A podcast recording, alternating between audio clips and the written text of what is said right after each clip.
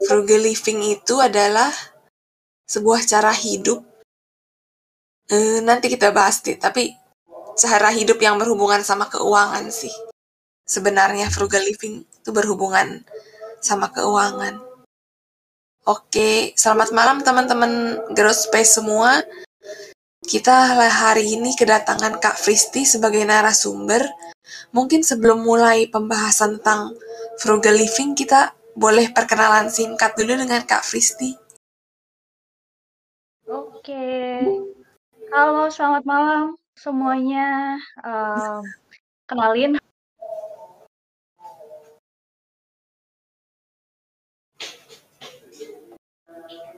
sini di Jepang di Gunmaken dan sekarang kesibukannya itu bekerja sebagai manajer manager overseas business manager di uh, salah satu IT company di Osaka.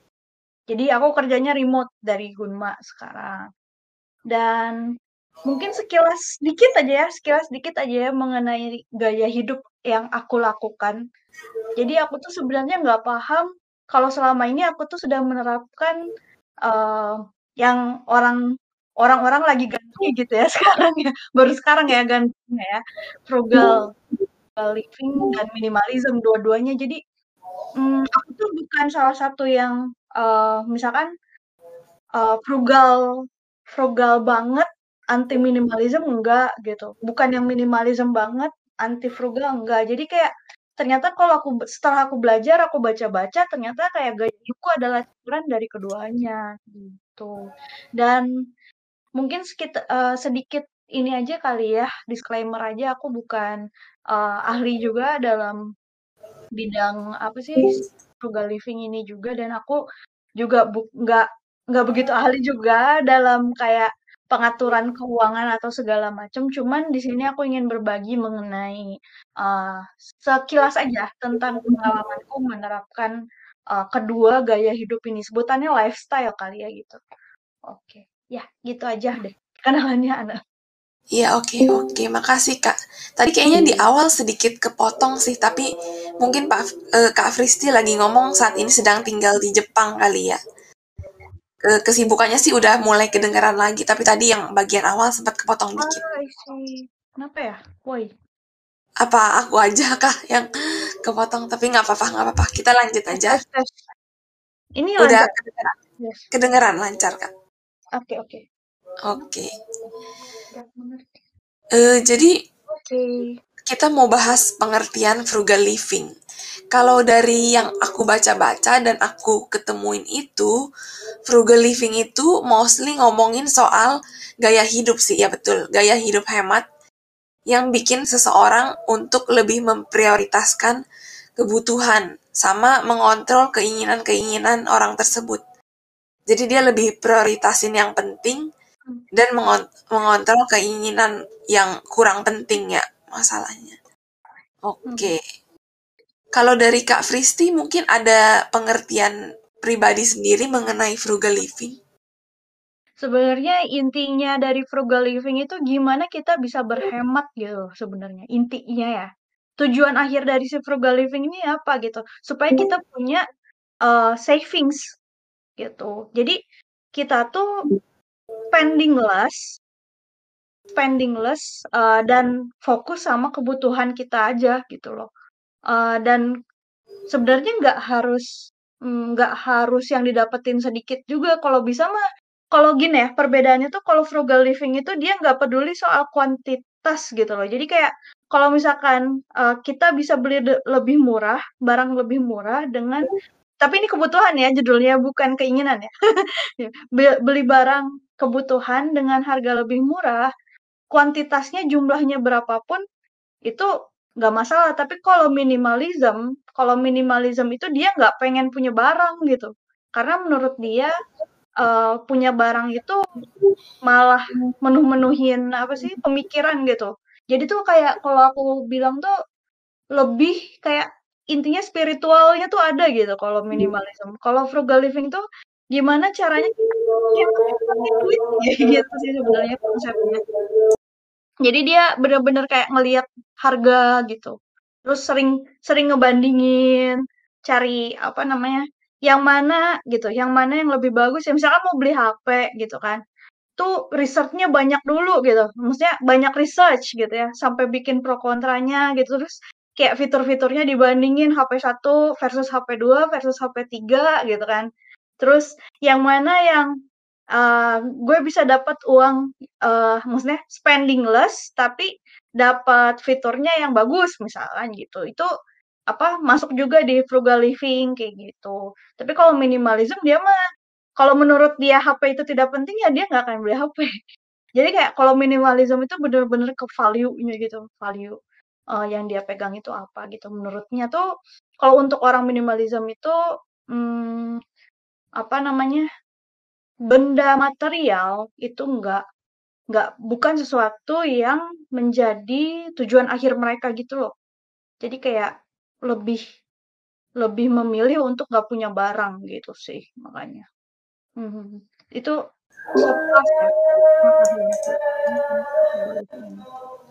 Kalau minimalisme berarti emang emang pilihan untuk tidak memiliki barang kali ya, Kak. Tapi kalau frugal lebih ke gaya hidup yang lebih berhemat. Bener bener, uh-uh, bener bener banget kayak gitu. Ada yang tahu ini nggak Fumio Sasaki? Fumio Sasaki tuh kalau nggak salah dia nulis ada aku nggak baca bukunya, tapi aku tuh pernah nonton film dokumenter tentang dia. Jadi dia tuh menulis buku tentang minimalism dan si uh, aku nggak baca padahal bukunya, tapi aku nonton dokumenternya dan di situ diliatin bagaimana dia hidup minimalism gitu. Dan menurut aku ini levelnya tuh ini nggak bisa aku ikutin gitu karena terlalu ngeri gitu, ngerti gak? Jadi kayak mereka dia tuh cuman punya baju tuh kayak tiga gitu, pokoknya kayak under kurang dari lima gitu pokoknya bajunya tuh kayak dan udah di dan warnanya tuh sama semua gitu putih. Warna sama semua putih doang. Terus um, apa namanya kayak uh, rumahnya tuh dia cuma kayak apartemen terus nggak ada barang. Kayak bener-bener hampa kosong gitu cuman kasur doang. Kasur terus si spraynya juga warnanya tuh sama semua. Warna putih semua. Warna putih terus kayak aku nonton tuh kayak uh, sampai bingung gitu nih si orangnya gitu. Kayak dia tuh benar-benar punya hmm, barang tuh bisa dihitung gitu. Bisa dihitung kayak hmm, mungkin kayak kalau dihitung tuh kayak barangnya tuh kurang dari 30 apa berapa gitu barang yang ada di dalam apartemennya itu. Udah termasuk apa sumpit segala macam musik aduh kayak orang Jepang kan makanya masih sumpit kan. Terus kayak aku pas nonton kalau sampai selevel ini nggak bisa juga sih gitu. Tapi kalau aku, uh, ini aku sambil cerita-cerita ya, nah Jadi kayak kalau aku tuh, hmm, aku sendiri itu kayaknya campuran dari dua-duanya. Kenapa aku berani ngomong gini, soalnya menu aku punya value. Jadi value-ku itu, hmm, material itu menurutku nggak bisa menghasilkan sesuatu yang yang bisa aku ingat sepanjang hidup gitu, ngerti nggak sih? Jadi kayak, um, misalkan aku beli HP baru gitu, rasa senengnya beli HP baru itu hilang gitu seketika ketika aku udah buka kotaknya si HP gitu, udah itu udah aja selesai gitu. Nggak bisa aku ingat-ingat lagi satu dua ta apa, satu tahun atau dua tahun kemudian gitu. Nggak bisa aku ceritain, nggak bisa aku rasain betapa senangnya aku punya HP baru gitu. Itu jadi aku tuh mikir, oh berarti mungkin value aku tuh bukan di ketika aku membeli suatu barang materi gitu. Terus makanya aku tuh kayak nyari apa sih sebenarnya yang aku value aku hargain dalam hidup gitu kan.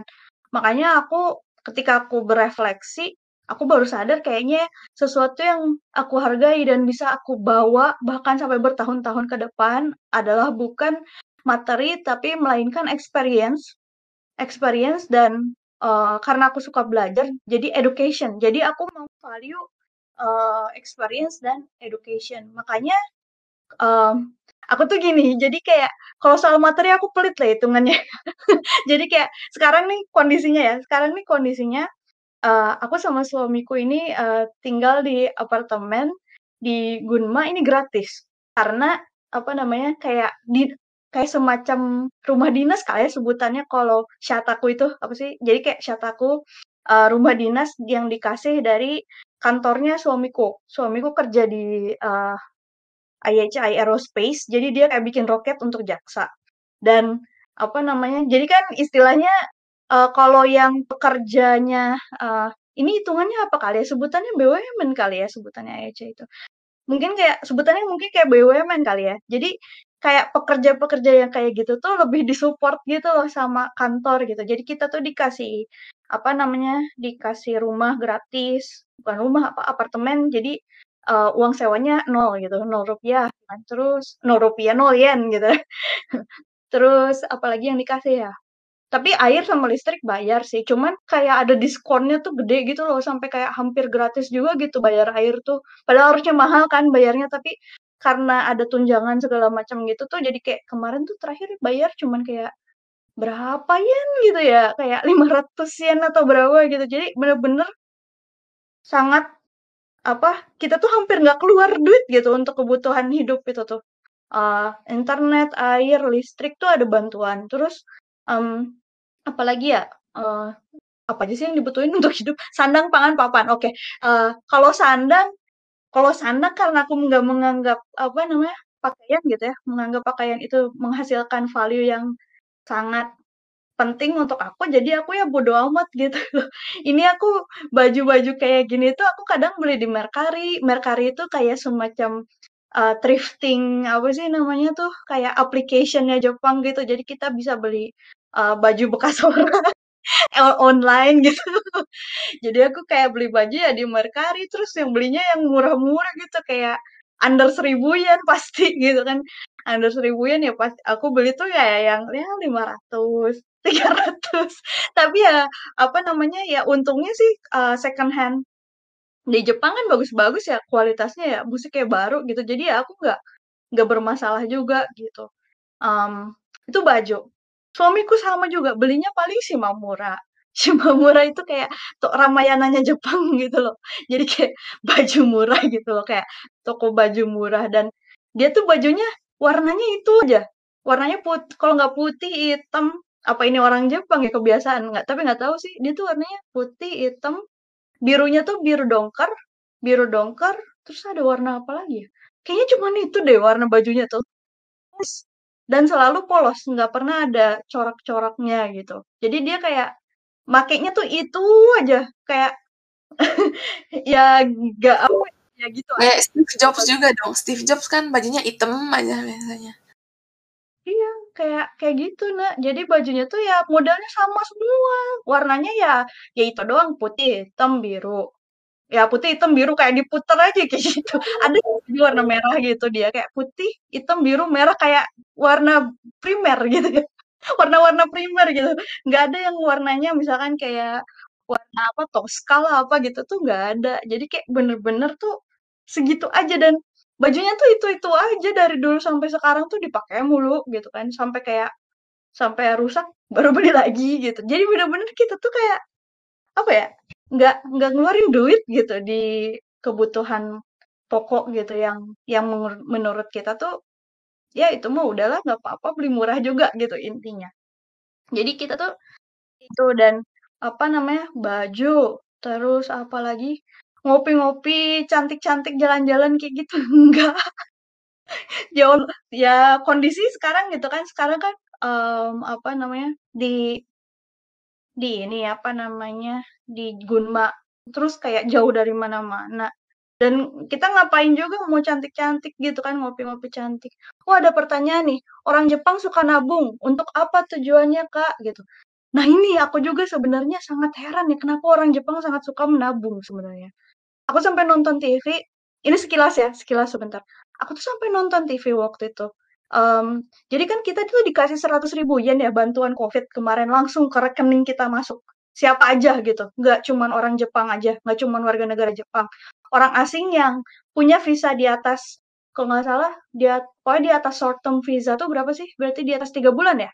Di atas tiga bulan, itu dapat duit. Seratus ribu yen, lumayan tuh 13 juta. Langsung masuk ke rekening, nggak ada ini.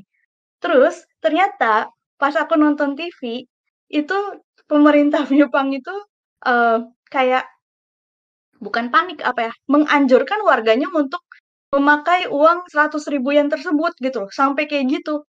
Jadi kayak, uh, mereka bilang katanya berdasarkan hasil survei, hanya sekitar katanya 20% kurang dari 20% malah kayak berapa 17% dari orang Jepang yang menerima bantuan 100 ribu yen itu uh, mengeluarkan uang 100 ribu, istilahnya mengeluarkan uang tersebut dari ATM-nya atau dari uh, rekening rekening banknya gitu. Dan dan mereka bilang itu nggak bagus karena dengan duitnya ngendap gitu ya, dengan duitnya ngendap nggak dijajanin lagi, nggak di nggak diputar gitu ya, ekonominya tuh jadi nggak naik gitu, jadi nggak jalan, nggak muter.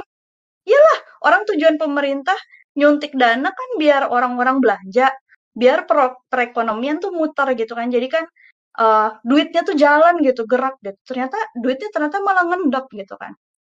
Terus um, terus ada ini. Jadi kemarin itu pas dari yang aku nonton itu, kenapa katanya? Jadi tuh ada riset, katanya ada riset. Uh, jadi mereka bikin kayak kuesioner. Kenapa sih kamu nggak mau pakai duitnya? Kenapa kamu nggak uh, apa apakah um, COVID ini nggak apa namanya nggak ngaruh ke hidup kamu? Apakah hidup kamu nggak jadi susah karena COVID gitu kan? Terus jawabannya, jawaban-jawabannya tuh ya kebanyakan kayak ya untuk choking gitu, choking tuh untuk uh, savings gitu kan. Iya karena saya uangnya mau disimpan. Terus ditanya kenapa, untuk apa disimpan? Terus dia bilang gini, apa namanya?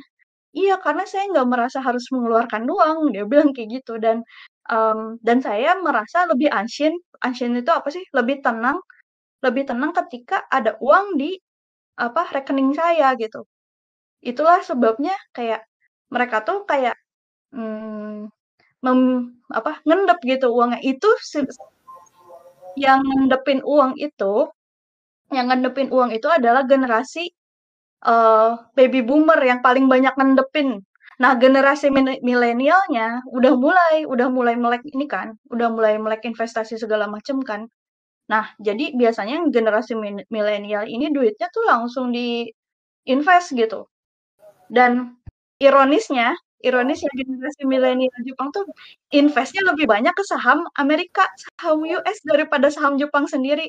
Alasannya karena pertumbuhan saham Jepang itu kan lambat ya, cuma tiga persen kan mereka perekonomian lelet banget maksudnya kayak mereka tuh udah kayak udah naik ya setelah bubble burst itu kan kayak tahun berapa itu um, apa ekonominya Jepang terakhir bubble bubble itu runtuh tuh tahun 8 kan kalau nggak salah tuh jadi di zaman itu kalau aku cerit diceritain suamiku di tahun 80-an itu Jepang itu lagi jaya-jayanya di di perekonomiannya mereka terkuat kan kedua setelah Amerika pada saat itu terus kayak manufaktur-manufaktur Jepang ada di seluruh dunia gitu kan. Elektronik semuanya Jepang gitu kan. Terus dia bilang pada saat itu tuh istilahnya kayak bahkan orang yang bodoh sekalipun dia bilang gitu ya, orang yang nggak yang nggak punya uh, pendidikan tinggi itu bisa kerja di perusahaan yang bagus karena mereka kayak udah hambur-hamburin aja gitu. Udahlah bodo amat siapa aja terserah lo mau kerja. Uh, kerjaan nggak becus juga bodo amat yang penting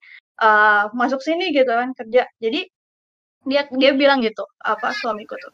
Nah apa namanya ketika si bubble burst itu terjadi ekonomi bubble-nya pecah ketika ekonomi bubble-nya pecah kan langsung jatuh ya ekonominya parah banget nah tiba-tiba tuh jadi banyak pengangguran katanya kayak gitu dan banyak pengangguran dan literally kayak semacam krisis kali ya sebutannya ya kali krisis moneter Jepang pada saat itu nah gara-gara itu gara-gara uh, sebutannya bubble jidai. Bubble jidai itu apa sih? Zaman bubble.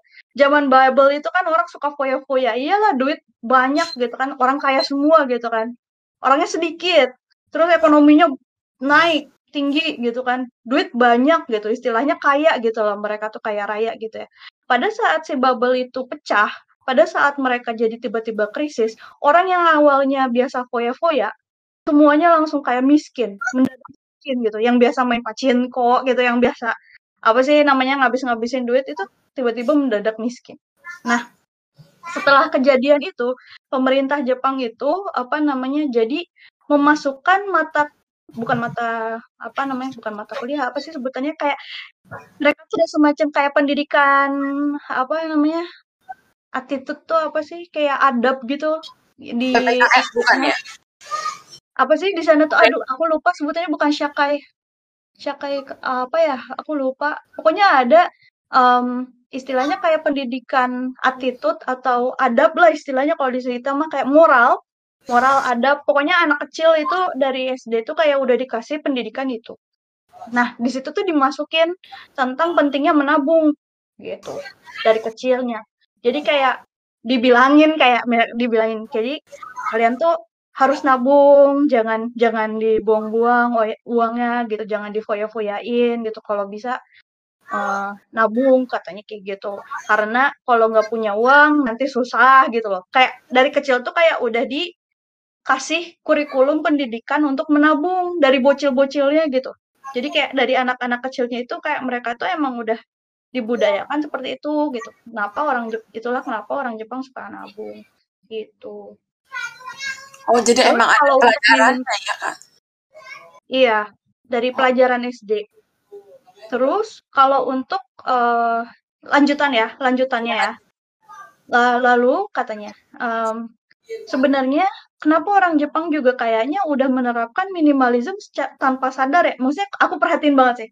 Aku perhatiin banget semenjak aku pindah ke Jepang tuh kayak aku menyadari hal yang beda banget gitu ya, yang beda banget yang dari aku temuin di Indonesia.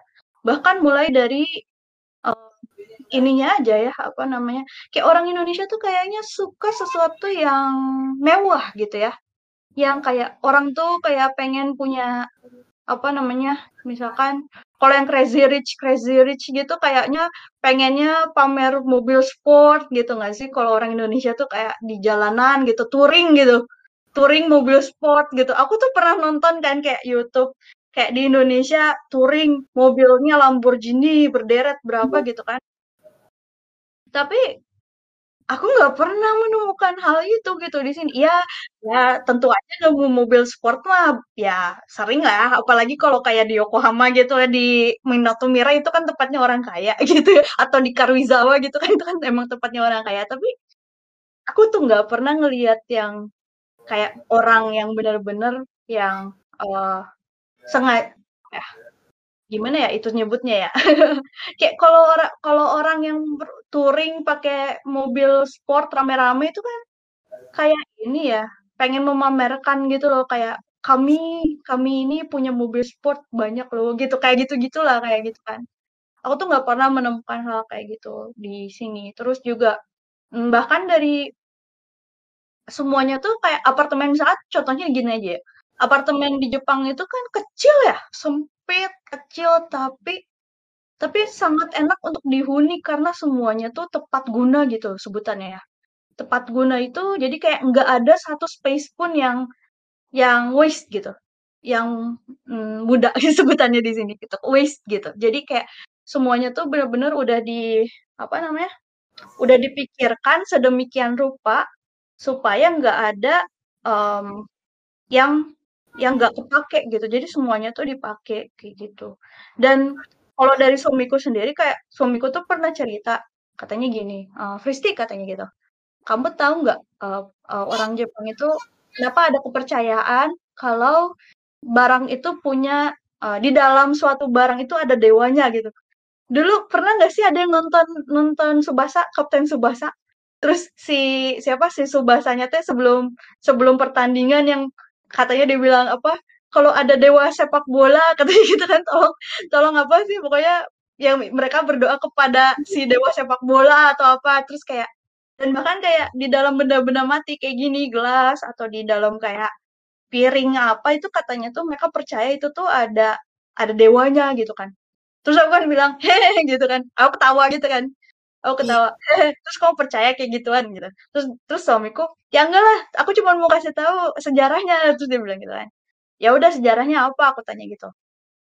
Jadi uh, ini mungkin jadi adat apa uh, asal mula ujung-ujung-ujungnya banget kenapa orang Jepang itu udah otomatis jadi minimalism gitu dan frugal gitu.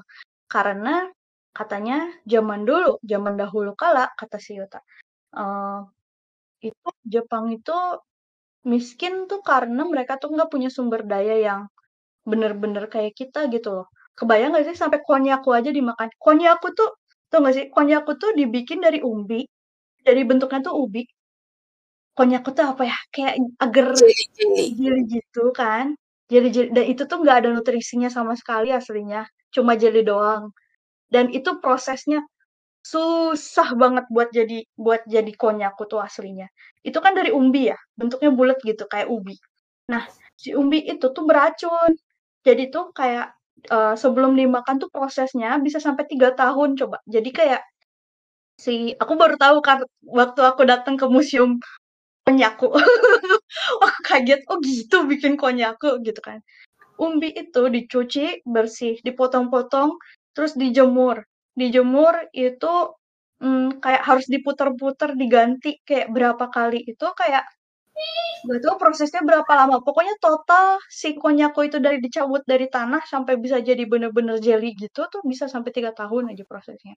Jadi dikeringin, habis dikeringin, ditumbuk si apa namanya si yang uh, ubi konyakunya ditumbuk sampai jadi kona jadi jadi powder.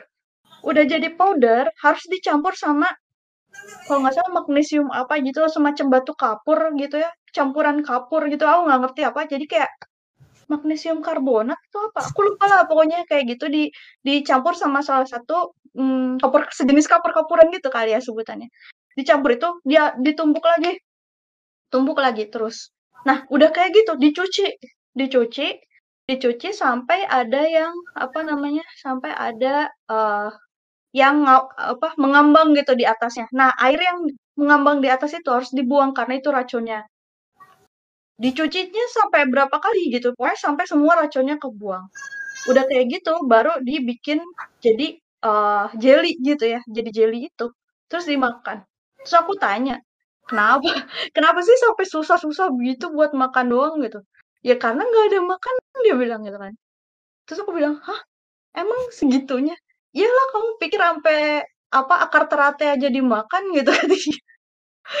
itu saking katanya susah cari makanan gitu. Kan di sini sampai kayak ada apa rengkong ya, rengkong itu kan akar terai, atau akar bunga teratai gitu kan, bunga teratai itu kan uh, orang Indonesia nggak kepikiran lah makan itu gitu ya. Maksudnya gimana coba kan?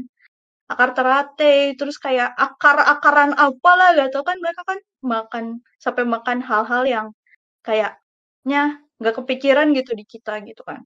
Katanya tuh zaman dahulu kala tuh miskin banget gitu ya dalam segi resource gitu ya, makanan tuh nggak ada dan emang aku pernah baca sejarahnya juga kayak mereka tuh dulu kayak sampai hmm. istilahnya tuh miskin gitu kan, sampai kayak anak hmm, orang tua tuh kayak sampai ngebunuh anaknya gitu karena takut bisa ngasih makan gitu, kayak zaman dahulu kala.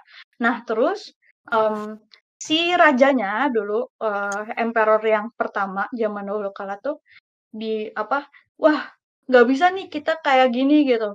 Soalnya ada apa namanya orang rakyat biasa tuh miskin susah nggak bisa makan. Tapi bangsawan itu foya-foya.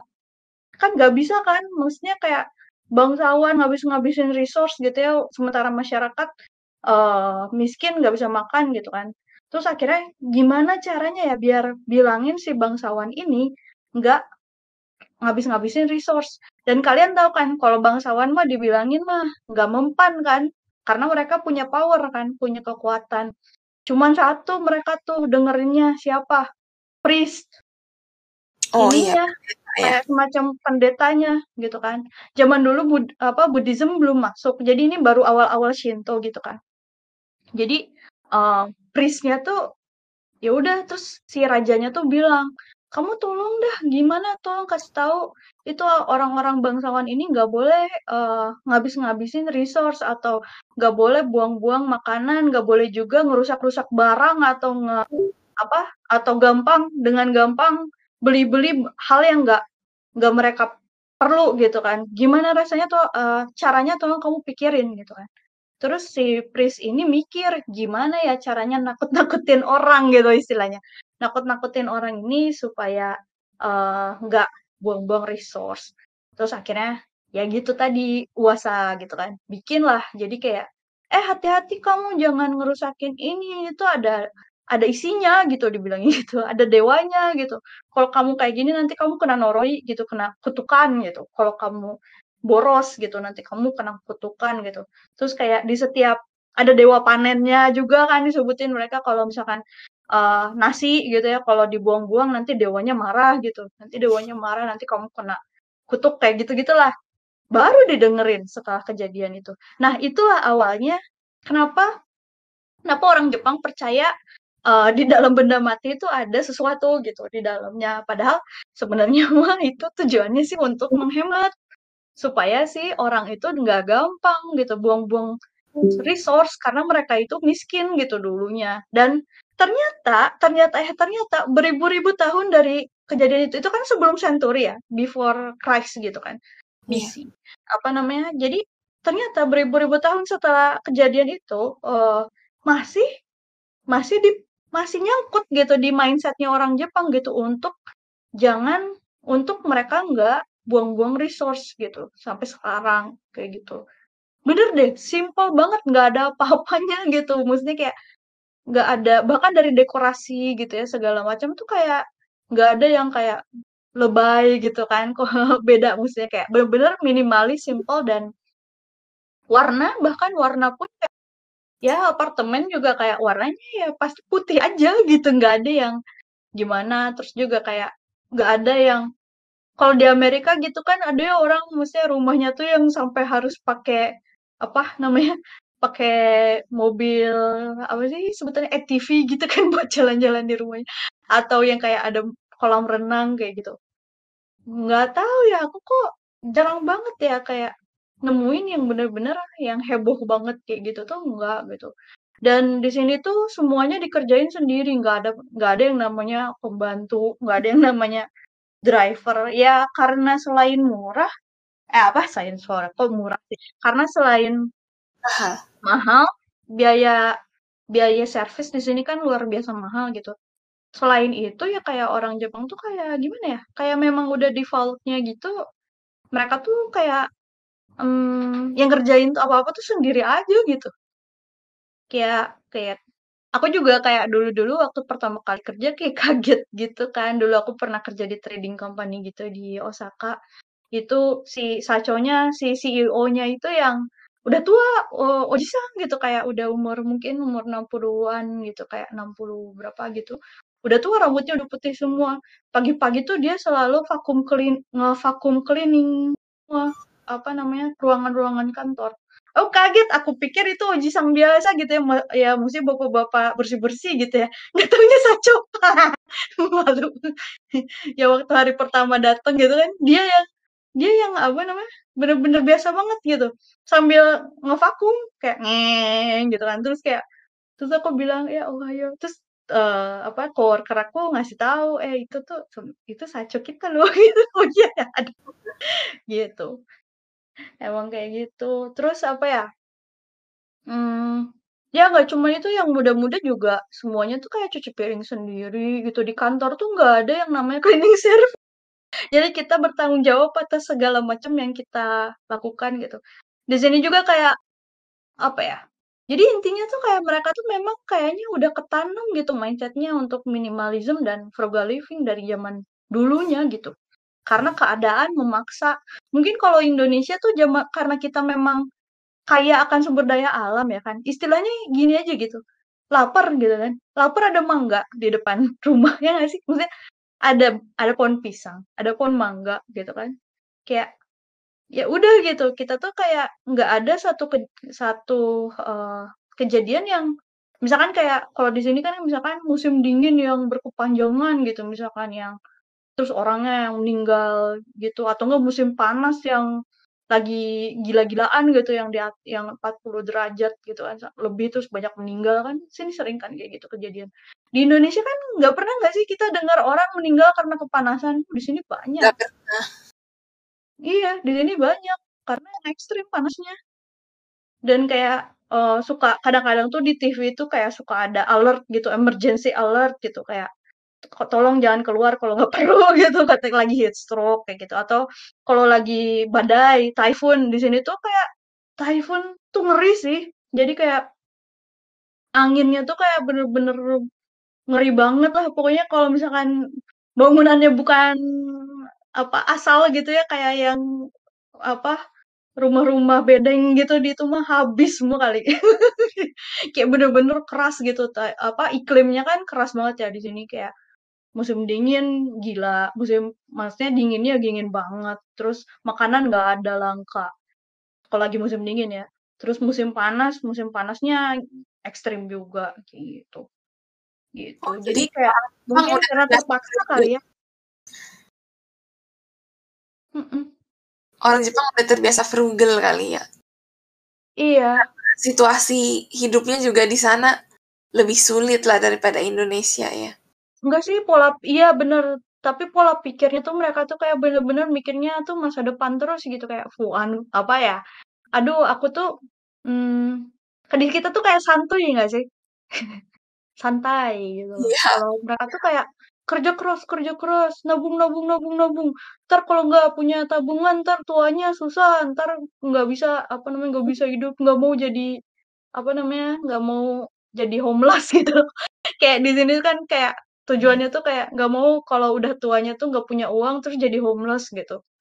Kayak gitu kan. Jadi kayak kerja kerja kerja gitu. Di sini mah nggak nggak mikir kayak ya udah sih nggak apa-apa tenang aja ntar ada anak. Nggak nggak ada yang mikir kayak gitu orang. Di sini tuh kayak bener-bener independen gitu kan. Jadi kayak um, jadi mereka tuh lebih kayak meng, memikirkan masa depan makanya nabung gitu. Gitu. Boleh ini lanjut pertanyaan selanjutnya ntar kalau aku terusin cerita tentang Jepang ntar kita ini tadi sebenarnya udah sedikit kebahas juga sih pertanyaannya soalnya soal alasan kenapa Fristi menjalani gaya hidup frugal. Jadi karena kebetulan tinggal di lingkungan Jepang, jadi mungkin terbawa juga kali ya gaya hidupnya. Mm-hmm. Tapi aku alasan utamanya sih ini kayak udah settingan defaultku dari kecil gitu. nah, oh, dari di Indonesia pun aku hidupnya super hemat tapi kalau itu bedanya adalah waktu aku di Indonesia adalah karena keadaan ya. Karena aku dulu nggak punya uang. Karena ya kalau aku nggak frugal aku nggak bisa hidup lah istilahnya dulu tuh. Jadi kayak harus pikir-pikir gitu gimana caranya aku bisa hidup dengan duit yang hampir nggak ada gitu. Jadi kayak hmm, ya jadi aku kayak banyak-banyak belajar aja gimana uh, mindsetnya gitu loh kayak oke berarti aku nggak ikut uh, lifestyle aku nggak aku buang aja gitu aku nggak perlu ikut-ikutan lifestyle teman-temanku gitu misalkan. Karena aku emang nggak nggak sanggup karena aku orangnya emang nggak punya uang gitu maksudnya dulu dan nggak mau ngutang. Kalau dulu tuh kan ada orang yang ya udah sih kan gue bisa ngutang ini gitu kan kalau aku tuh orangnya anti anti banget anti banget utang gitu kan karena nggak enak gitu kan jadi dulu aku hmm, bayangin aja dulu kayak aku pertama kali tuh sebenarnya aku udah dari SD. Jadi dari SD tuh aku cuma dikasih uang dua ribu sehari. Temanku tuh ada yang kayak uang jajannya tuh masih kecil tuh kayak udah dua puluh ribu gitu. Dua ribu sehari. Apa coba aku tuh aku tuh cuman kayak beli apa sih? Kayak beli cilor gitu ya, kayak gitu aja udah lima ratus kan. Kayak yang jajanan yang telur gulung zaman dulu, zaman dulu aku SD kan, berapa itu cuma lima ratus coba uang 2000 dapat apa gitu kan aku ingat lah cuangki itu dulu dulu harganya 1000 1500 kalau nggak salah. Jadi kalau aku beli cuangki 1500 uang aku tuh tinggal 500. Jadi kayak bener-bener kayak gitu. Terus aku naik uh, dulu uh, karena untuk ngehemat juga aku pulang pergi sekolah naik sepeda gitu dari uh, SD. Terus kalau pas SMP aku uang jajannya naik tujuh ribu. Tujuh ribu tapi jalanan perjalananku jauh naik angkot coba. Naik angkot tiga kali tapi kok aku survive ya uang tujuh ribu ya? Aneh banget aku juga mikir kok bisa ya aku survive dulu ya? Gitu. Apa aku nggak jajan apa gimana? Eh enggak deh oh ongkos bolak balik tuh lima ribu. Jadi aku masih punya uang dua ribu buat beli sesuatu di SMP dulu. Di kantin. Uang dua ribu teh aku tuh cuman bisa beli Indomie rebus. Kalau nggak salah zaman dulu teh masih dua ribuan gitu. Jadi aku bener-bener kayak gitu. Terus kayak ya gimana ceritanya? Aku bisa survive gitu. Kalau aku nggak frugal gitu dengan uang tujuh ribu sehari gitu kan. Terus pas SMA juga nggak jauh beda. SMA aku cuman uang jajannya eh lima belas ribu kalau nggak salah. 15.000 sehari, tapi itu juga udah habis di ongkos karena aku tuh naik angkot jauh pisan gitu ya. Dari dari rumah aku di ujung Bandung ke ke tengah Bandung gitu ya, ke SMA 3 tengah Bandung. Itu kan tengah kota banget. Tengah kota banget itu tuh kayak aku tuh satu kali berangkat teh habis berapa ya? Pokoknya aku tuh sisa sisa cuman bisa jajan di SMA teh cuman uangnya teh cuman bisa lima ribu aja, sepuluh ribunya teh kepake di ongkos. Kayak gila kan gimana aku beli apa aku lima ribu gitu, mana kepikiran aku mau apa jajan-jajan beli bob apa ya nggak ada boba sih zaman dulu cuman kayak jajan-jajan apa gitu ya. Dulu mah kan paling dekat BIP ya deket apa SMA aku paling dekat itu ada Bandung Indah Plaza zaman dulu BIP ya kayak jajan ke BIP tuh mana ada aku bisa jajan di BIP karena nggak ada uangnya gitu kan. Dulu tuh aku ya udah jadi kadang-kadang ikut temen ya aku tuh hmm, udah tapi aku untungnya ya untungnya aku tuh karena nggak mau ngutang aku berani nolak jadi jadi aku tuh terang-terangan aja aku bilang sama temenku gitu setiap kali diajak makan apa misalkan Kristi ini yuk jajan ke sini gitu atau ke mana gitu. Terus aku bilang nggak mau aku nggak punya uang. Aku aku aku bener terang-terangan bilang kan ada yang malu gitu kan gitu. Kalau aku tuh nggak aku terang-terangan bilang gitu soalnya aku nggak mau bohong sama diri sendiri gitu. Eh ternyata kalau ketika aku bilang jujur aku nggak punya uang malah dijajanin. Mungkin kasihan kali ya malah dijajanin sama sama sama teman-temanku. Nggak apa-apa udah fresh kamu mah di apa apa namanya itu ada si itu bayarin. Apa kadang-kadang suka bercandain tapi bener akhirnya mah dibayarin gitu. Jadi kayak aku bener dah bener. Nggak pernah aku memaksakan diri untuk lifestyle sama sekali kuliah juga sama aja. Kuliah mah aku malah nggak punya uang jajan waktu kuliah. Aku harus apa namanya ngajar ngajar les dulu. Kan aku apa namanya dulu tuh kayak ngajar persiapan SPMB gitu kan buat anak-anak yang mau masuk uh, apa namanya masuk universitas gitu masuk PTN dulu. Aku tuh kalau inget banget lah aku tuh satu kali ngajar tuh kayak dibayarnya tuh bervariasi ada yang dua puluh lima ribu ada yang lima puluh ribu satu kali. Tapi itu juga nggak tentu gitu kadang ada kadang enggak gitu. Ya terus aku mau gimana gitu kan terpaksa ngongkos ya kalau misalkan apa namanya uh, aku tuh dulu gara-gara nggak punya demi ngehemat ongkos tuh aku sering banget aku nginep uh, di kosan temen anjir kalau aku inget-inget ya transportnya murah gitu. nomad banget aku dulu mesti kayak demi aku nggak pulang gitu. Soalnya kalau aku pulang uang aku pakai di angkot kan di ongkos iya. angkot. Jadi aku nggak pulang. Jadi aku nginep di tempat temen. Jadi aku emang udah nyiapin uh, pas sebelum pergi tuh aku udah nyiapin baju ganti berapa gitu. Ya udah terus aku kayak uh, boleh nggak aku nebeng dulu di rumah kamu? Gitu kan misalkan eh di kosan kamu gitu di kosan kamu uh, misalkan. Tapi aku selama lamanya ya cuma tiga hari sih paling kayak satu hari terus tiga hari. Ya nginep di rumah kadang-kadang tuh nginep di rumahnya eh, apa di kosannya siapa terus ganti lagi di kosannya siapa. Malah kadang-kadang di rumah temen SMA aku juga pernah. Jadi aku tuh kayak gitu ya kayak gembel. Terus uh, apa sih namanya uh, pernah juga nginep di lab ya pernah juga. Tapi pas aku itu apa namanya itu aku sebenarnya udah dapat beasiswa itu tuh pas saat itu. Cuman beasiswanya tuh cuman ngebayar cuman ngebayarin uang kuliah nggak ngebayarin ongkos gitu nggak ngebayarin uang uang jajan gitu kan. Istilahnya jadi uang jajannya nol harus harus apa harus nyari gitu kan. Cuman dulu tuh kayak ya seadanya aja aku ngajar les segala macam uh, jadi asisten lab. Anjir lah jadi asisten lab dibayarnya berapa jik? Satu bulan tuh cuma dibayar tiga ratus ribu. tiga ratus ribu satu bulan beli apa ya Tapi kayak untuk gitu hitungan mahasiswa ya lumayan lah. Ada iya. ada ada tapi, tambahan. ada tambahan tapi beneran deh apa namanya kayak uh, susah juga gitu. Itu tiga tiga ratus ribu tuh kayak apa aku ngaturnya gimana gitu waktu itu sebulan tuh. Jadi kayak ya udah teman-temanku tuh ya yang apa namanya, yang suka jajan-jajan tuh biasa tuh mereka tuh habis UTS kan biasa ya, kalau habis UTS kan kayak stres gitu kan, terus kayak, "Ayo kita jalan-jalan me apa, mengeluarkan kesetresan ini," gitu kan, gitu kan. Suka ngajakin gitu kan, kayak, "Pris, ini yuk, apa, The Nannies yuk," apalah zaman dulu teh adalah sebutannya The Nannies lah, terus kayak apa sih, zaman yang suka ada apa, yang stick-stick-an apa, sebenarnya murah sih kayak WS gitu kan, warung steak itu kan murah ya, cuma dua puluh ribuan. Cuman aku kayak mikir gitu, aku nggak kalau aku jajan, terus nanti aku nggak bisa survive kayak ke belakangnya gimana gitu kan.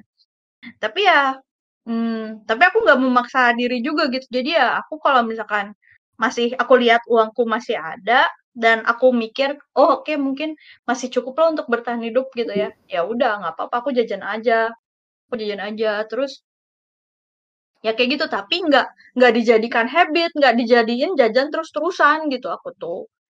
Kayak gitu. Terus tuh, mmm, apa ya, apalagi ya, jadi itu kebiasaanku itu, eee, kebiasaanku itu tuh terus nyangkut gitu di aku gitu, bahkan sampai sekarang. Bahkan sampai sekarang istilahnya, eee, apa namanya, aku kan nggak nggak ada di posisi yang sesulit itu gitu ya intinya ya sebenarnya, alhamdulillahnya kayak gitu kan. Tapi ya mindset-nya masih masih sama nyangkutnya gitu, masih apa karena namanya, udah ada masih keinget dari zaman dahulu kala gitu. Jadi yang jadi masih kayak udah default setting gitu. Dan aku nggak merasa kesulitan. Dulu kalau dulu tuh karena terpaksa. Kalau dulu karena terpaksa jujur ya, nggak enak rasanya. Tapi kalau sekarang tuh malah gini ya, malah enak ya gini nggak punya apa-apa. Kayak nggak mi nggak usah mikirin apa-apa. Aku nggak punya apa-apa itu aku enak ya hidupnya gitu, malah tenang gitu. Jadi kayak nggak ada pikiran gitu. Jadi kayak,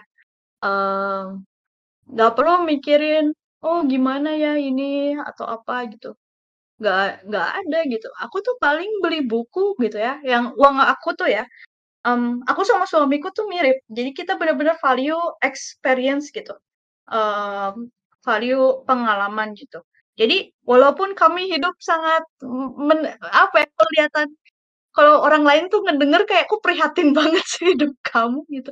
"Kenapa kamu kayak gitu? Padahal kan kamu kan manajer, suami kamu juga engineer untuk jaksa gitu, kayak ngapain kalian hidup kayak orang susah?" Gitu kan. Tapi aku nggak ngerasa kayak orang susah loh, biasa banget gitu. Biasa banget dan malah kami itu uangnya, eee, lebih kepake untuk sesuatu yang sangat kami hargai. Jadi kayak sebelum apa namanya, kayak sebelum Covid nih ya, aku sama suamiku tuh pasti ke luar negeri gitu. Selalu ada liburan ke luar negeri per tahun minimal sekali. Minimal. Tapi nggak karena itu minimalism ya, kalau minimalism kan kita fokus kepada ya apa yang kita value-in gitu, duitnya itu fokus ke situ. Jadi kayak lebih ke spiritual. Nah frugal living-nya, frugalnya adalah ketika aku, eee, memutuskan untuk mengambil keputusan itu, misalkan, oke pengen jalan-jalan ke Turki, waktu itu kan ke Turki ya, ke Istanbul. Oke pengen jalan-jalan ke Turki. Nah, frugal living-nya main di situ. Frugal living-nya sekarang mainnya gimana caranya aku bisa nyampe Istanbul dengan, eee, pengalaman yang sebanyak-banyaknya, tapi, eee, pengeluaran atau duit yang sedikit-dikitnya gitu. Jadi kayak oportunis gitu ya. Ya udah terus mulailah kayak mulai dari kita, eee, compare tiket-tiket pesawat, terus rela lama gitu, transit dulu di Singapura ngapain coba, ya nggak apa-apa lah rela kita mah transit dulu di Singapura lama gitu, terus, mmm, baru ke Istanbul gitu kan, ya demi demi apa namanya, demi, eee, biar nggak terlalu ngeluarin banyak uang lah istilahnya. Terus, eee, hotelnya juga waktu itu kenapa aku nggak kepikiran Airbnb apa belum kayaknya udah ada tapi belum happening ya zaman dulu. Jadi kayak apa namanya, eee, hotelnya juga yang kita pilihnya yang lokal gitu, yang biasa aja gitu. Terus, mmm, di di Istanbulnya juga kebanyakan kita tuh bener-bener kayak menikmati hal yang nggak perlu ngeluarin duit. Misalkan jalan-jalan di uh, Grand Bazaar gitu kan. Jalan-jalan doang nggak beli. Jalan-jalan di Grand Bazaar atau kayak ngedatengin Ayah Sofia. Pokoknya tempat-tempat yang bener-bener valuable gitu buat kita. Dan ternyata bener waktu aku di Istanbul itu pengalamannya gila-gilaan gitu. Ya aku pernah cerita kayaknya di meja hijau nih yang suamiku hampir ketinggalan di perjalanan ke Izmir waktu itu. Ditinggalan di toilet. Busnya mau berangkat gitu. Terus aku ya aku panik cerita. Ya waktu itu aku bilang ke drivernya, suami saya masih ada di toilet. Terus dipanggil di bawah sama polisi itu udah udah belum sih? Kayak jadi aku tuh banyak banget deh. Terus kayak di kita uh, kenalan sama orang Turki diajak minum apa namanya minum teh akhir-akhirnya ditawarin karpet aja di scam kena scam ya aku kayak itu ngeri juga sih tapi tapi seru gitu. Terus kayak uh, kartu kreditnya suamiku nggak bisa dipakai di sana terus kita nggak ada duit. Bodoh banget kebodohan. Ya boy kayak bener-bener apa ya banyak banget peng apa yang sesuatu yang aku tuh sampai sekarang udah bertahun-tahun masih berlalu. Keinget. masih keinget coba kalau aku habisin duit aku cuma untuk beli tas branded gitu. Apakah aku ada cerita kayak gitu? Enggak. Ya gitu. Jadi kayak um, aku sendiri gitu ya di minimalism itu aku lebih memilih mana hal yang aku value dan aku spending money di situ gitu. Dan frugal livingnya ya, ya tadi untuk sebisa mungkin aku menekan pengeluaran dan apa namanya pengeluaranku sehingga aku bisa saving gitu, sehingga aku bisa menggunakan uang-uang lebih ini untuk sesuatu yang lebih baik gitu Yang dicari ya. Iya gitu. Jadi jadi intinya sih bagaimana caranya ya mulai fokus ke apa yang kalian value dalam hidup gitu. Apa yang menurut pe kalian penting gitu dalam hidup, fokus ke sana jangan ngeluarin duit yang dia nggak penting gitu. Jadi misalnya gini, uh, gak ada Guri ya di sini? Oh ya, padahal aku mau mau manggil Guri. Misalkan kayak Guri nih, kalau untuk Guri kan dia mau value ini, apa namanya, minum ya, mau value drink gitu. Dia tuh sampai koleksi gitu kan. Karena buat dia, uh, nilainya, apa namanya, buat dia itu berarti banget gitu. Berarti banget si, uh, apa namanya, hobinya dia itu ber berarti banget buat dia gitu kan. Ya udah, fokus aja di situ gitu. Jangan jangan keluarin duit yang bikin kamu nggak happy gitu. Kalau kamu happy dengan hobi, nggak apa-apa, cuman dikira-kira. Nah, ngira-ngiranya pakai apa? Pakai frugal gitu.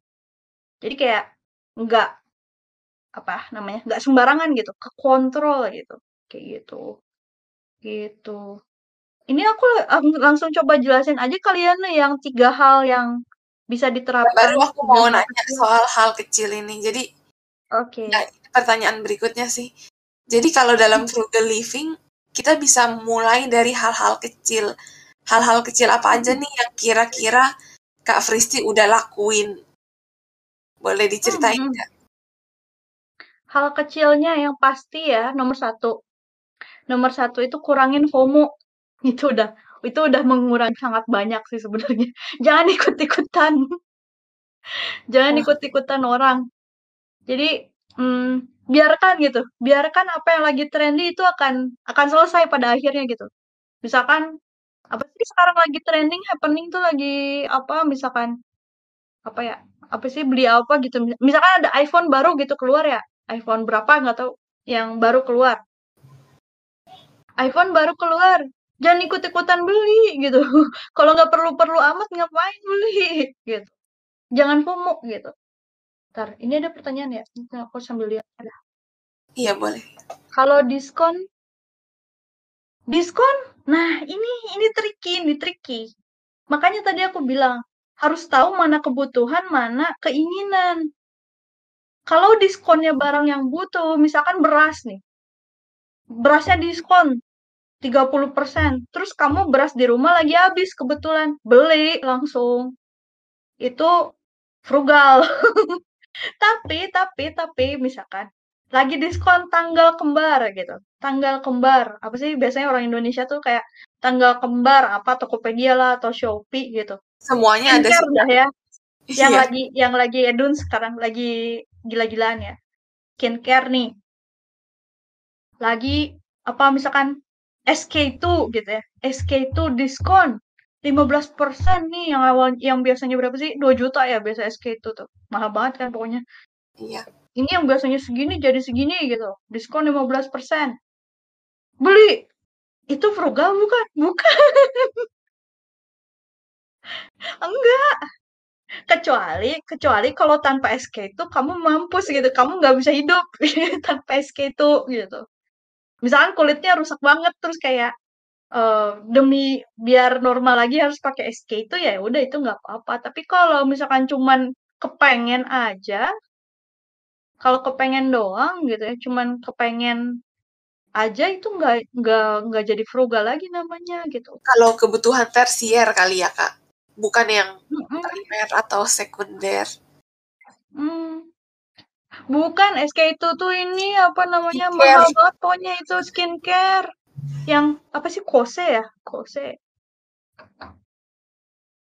Tapi tapi ngomong-ngomong loh, aku tuh walaupun aku pelit ya sama soal-soal kayak gitu, tapi aku kalau misalkan aku melihat kesempatan gitu, kayak aku tuh ngelihat kemarin aku nemu tuh kayak di salah satu toko itu ada ini. Jadi dari Kose juga sama uh, apa namanya uh, produsernya tuh sama dengan SK itu dan kayaknya aku baca reviewnya bagus dan waktu itu aku lihat harganya cuma 325 yen gitu kan. Terus kayak murah banget kan?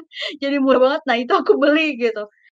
Sebenarnya itu uh, kalau misalkan mau yang saklek banget uh, frugalnya ya nggak perlu.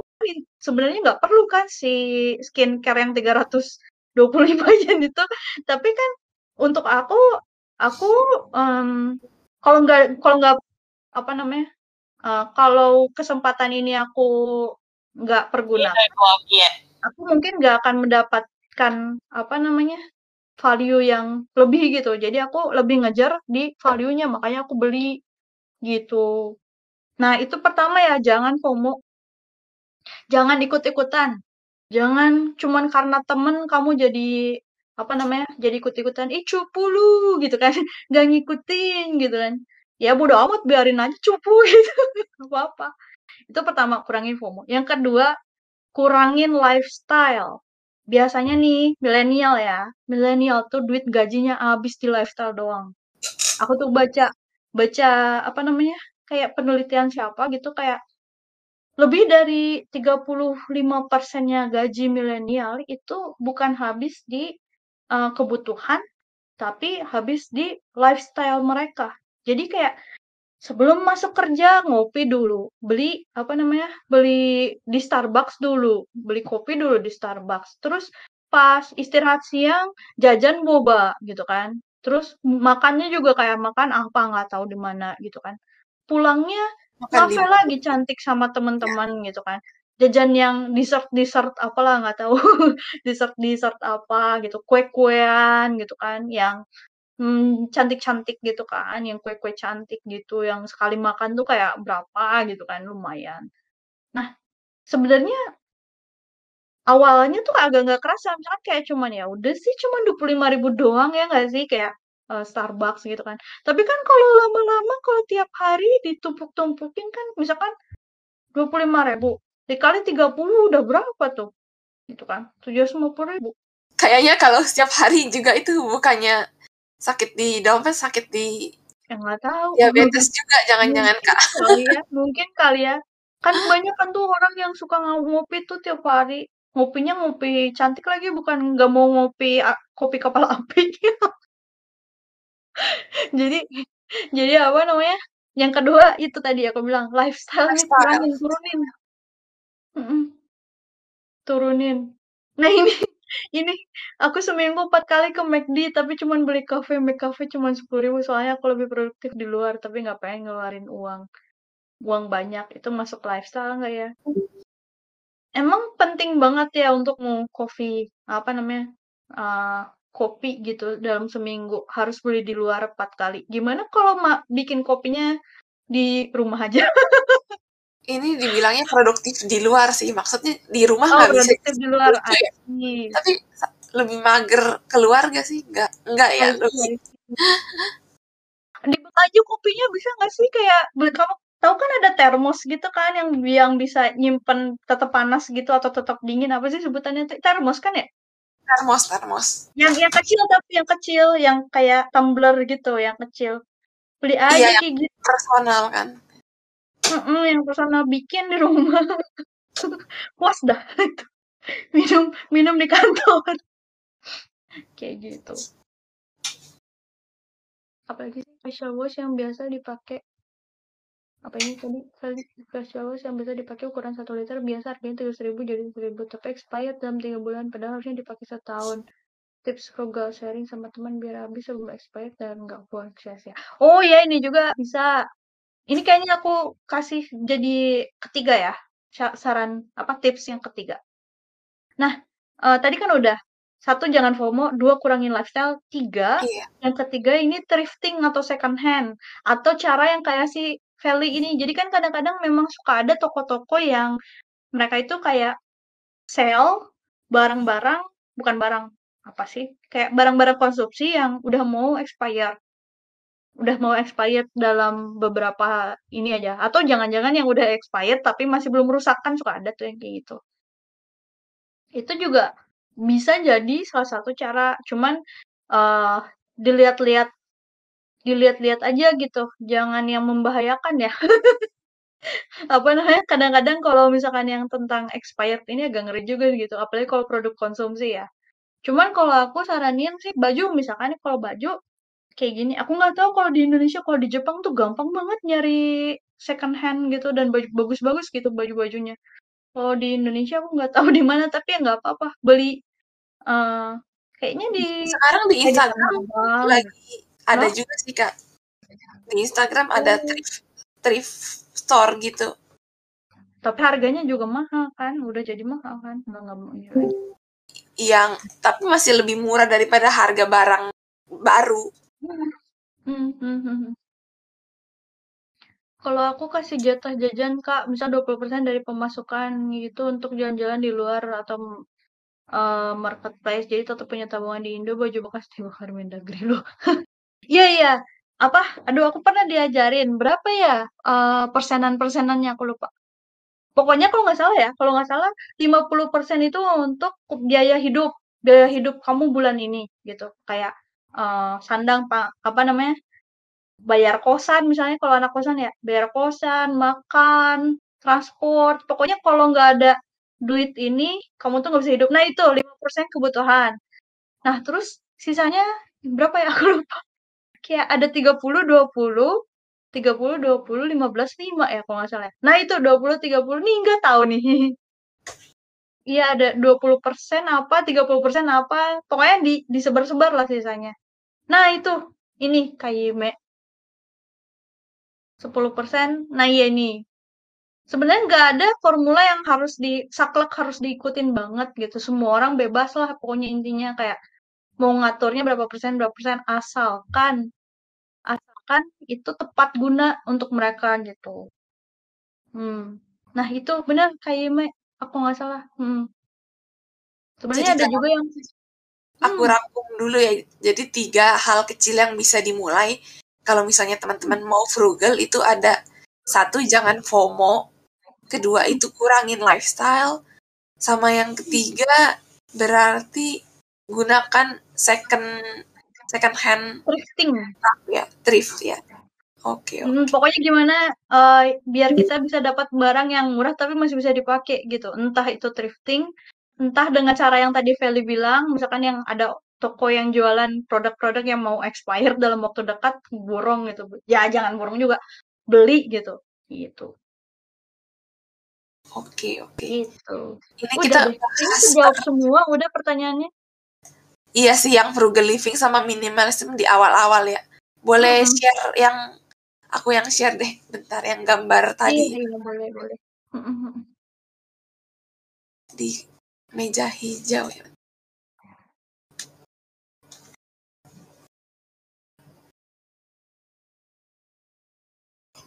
Oke, ini per- perbedaan lebih jelasnya soal frugal sama minimalism tapi uh, end end goalnya sih sebenarnya sama yaitu hidup yang lebih happy dan seimbang kali ya mm -mm, benar apalagi sekarang ini banyak sih uh, budaya konsumerisme yang udah kita banyak hmm. dilakuin sama orang-orang dan kita hampir hampir terbawa juga gara-gara FOMO itu sih. Iya. Jadi memang perlu ada dibatasin batas-batasnya. Hmm. Hmm. Okay. Dan selain itu juga kita mikirin dunia ini sih. Maksudnya kayak dunia ini udah terlalu banyak gitu memenu berusaha memenuhi kebutuhan manusia. Kalau kita boros soal resource kayak gitu, pada suatu saat nanti mungkin akan habis gitu. Jadi mungkin akan ada terjadi kelangkaan gitu di masa depan. Kalau kita terus-terusan konsumerisme gitu, terus-terusan boros, terus kayak terus-terusan buang makanan, terus-terusan aku paling paling sebel deh. Aku tuh kayak apalagi lihat ini apa namanya di Indonesia banyak banget aku sering lihat. Orang makan, ngambil nggak karuan, apalagi di, di kawinan. Di kawinan tuh kan ini kapan prasmanan kan ya. Ngambilnya tuh nggak karuan, nasinya segimana.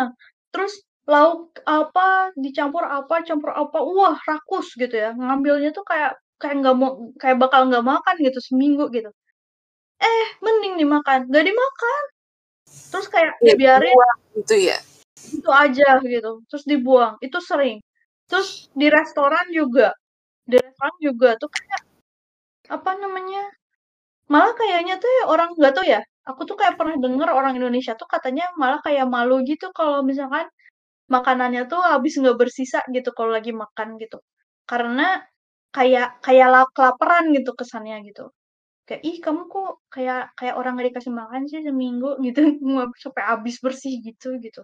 Aku sih kalau makan habis terus sih.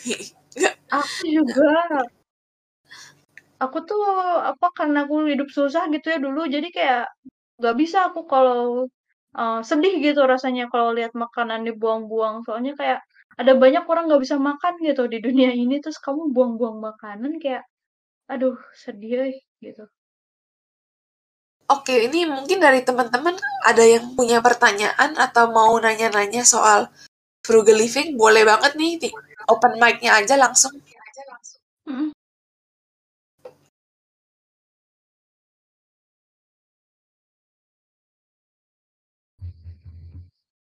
Uh, adakah yang mau bertanya?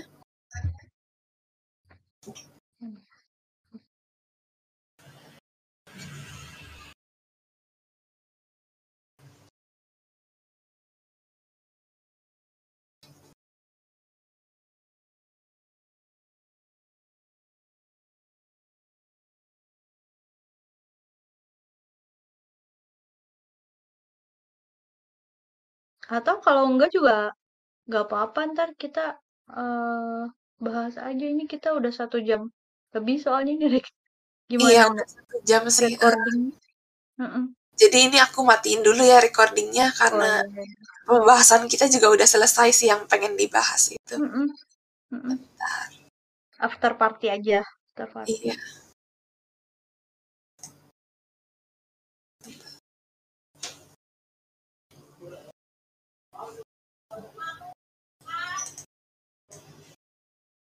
Semuanya.